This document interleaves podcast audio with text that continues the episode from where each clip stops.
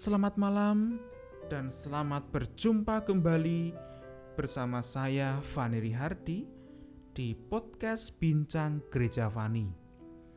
Dan pada kesempatan malam hari ini, kembali lagi perkenankan saya mengajak Bapak Ibu dan saudaraku yang terkasih di dalam nama Tuhan Yesus Kristus untuk kita dapat kembali memasuki saat teduh kita pada kesempatan malam hari ini dengan kita bersama-sama merenungkan dan belajar akan firman Tuhan. Dan firman Tuhan pada kesempatan malam hari ini terambil dari Titus 2 ayatnya yang pertama sampai dengan yang ke-10.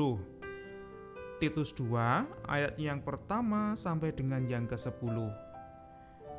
Bapak, Ibu, dan Saudaraku, saya persilahkan untuk menjeda podcast ini terlebih dahulu, lalu membacanya sampai selesai, dan ketika sudah selesai dapat kembali lagi melanjutkan podcast ini.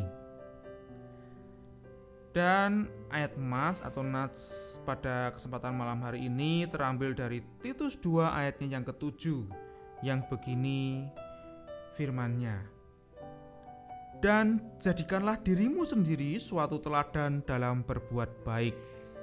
Saya ulangi, dan jadikanlah dirimu sendiri suatu teladan dalam berbuat baik.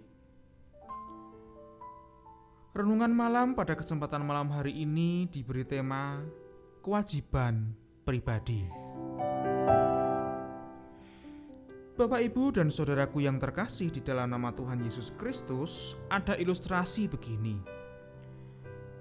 Setelah kalah, para pemain sebuah tim sepak bola terlibat suatu perselisihan. Pemain depan menuding pemain belakang tidak menjaga lawan dengan baik, sehingga gawang bisa berulang kali kebobolan. Karena tidak terima, pemain belakang balik menuding pemain depan, sering membuang-buang peluang untuk mencetak gol. Sebelum perselisihan bertambah parah, pelatih segera menengahi dengan memberi nasihat bijak. Tidak perlu saling tuding menuding. Cukup tanyakan pada diri sendiri masing-masing. Apakah dalam pertandingan tadi telah melakukan kewajiban pribadi dengan baik. Bapak, ibu, dan saudaraku yang terkasih, entahkah dalam sebuah pertandingan olahraga, di tengah keluarga, lingkungan pergaulan, dan di mana pun, sesungguhnya setiap orang memiliki kewajiban yang harus dilakukannya. Orang yang bertanggung jawab pasti akan melakukan kewajibannya dengan baik. Orang ini tahu akibat apabila dirinya tidak melakukan tanggung jawabnya. Sementara orang yang tidak bertanggung jawab pasti akan mengabaikannya. Melalui suratnya kepada Titus, Paulus ingin mengingatkan supaya setiap orang kembali menyadari kewajibannya. Itu artinya kita harus berhenti menuding orang lain sebagai sumber masalah dan mulai berintrospeksi diri.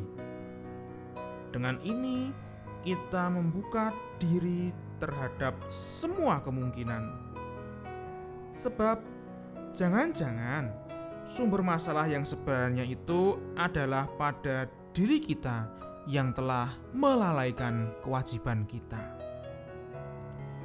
Bapak, ibu, dan saudaraku yang terkasih, mari merenungkan kembali setiap kewajiban yang kita miliki. Apa pun dan kepada siapa pun kewajiban itu harus dipertanggungjawabkan. Pastikan kita melakukannya dengan benar. Dengan demikian, kita telah menciptakan kehidupan yang baik di tengah komunitas. Ingatlah, peran kita menentukan hasil dari kerja bersama. Amin.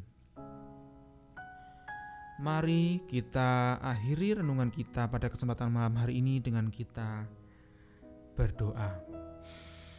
Bapa kami yang bertahta dalam kerajaan surga, kembali lagi perkenankan kami untuk kami dapat menghadap kehadiratmu di dalam doa, dan kami mengucapkan puji dan syukur karena Engkau telah berkenan menyertai dan membimbing kami, menjaga kami pada kesempatan hari ini, terkhusus hingga sampai pada waktu dan di tempat ini Bapa.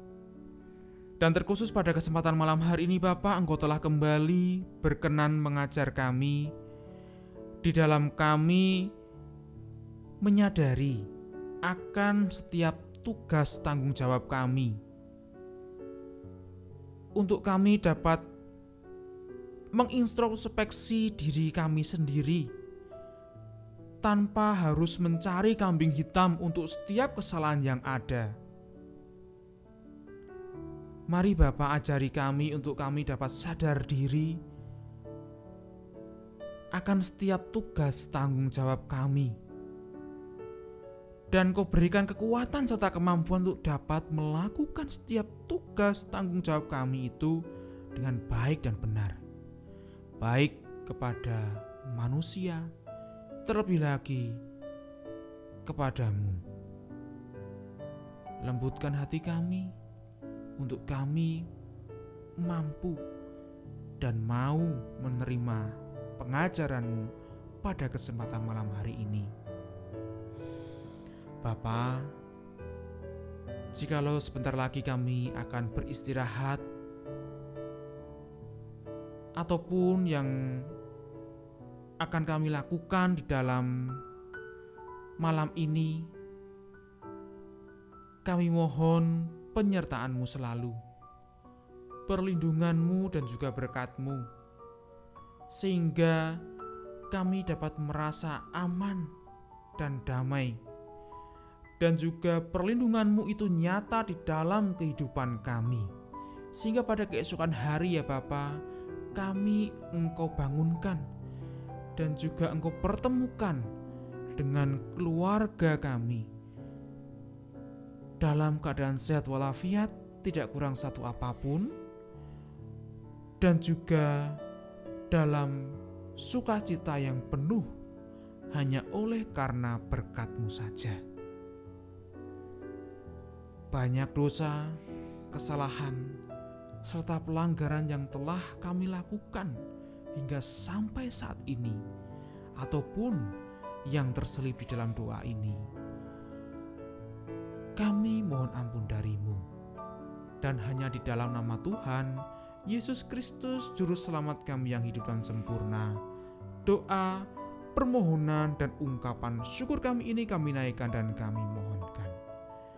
Terima kasih Bapa, terpuji namamu di dalam nama Tuhan Yesus Kristus saat ini sampai selama-lamanya. Amin. Begitulah renungan yang dapat saya sampaikan atau bawakan pada kesempatan malam hari ini.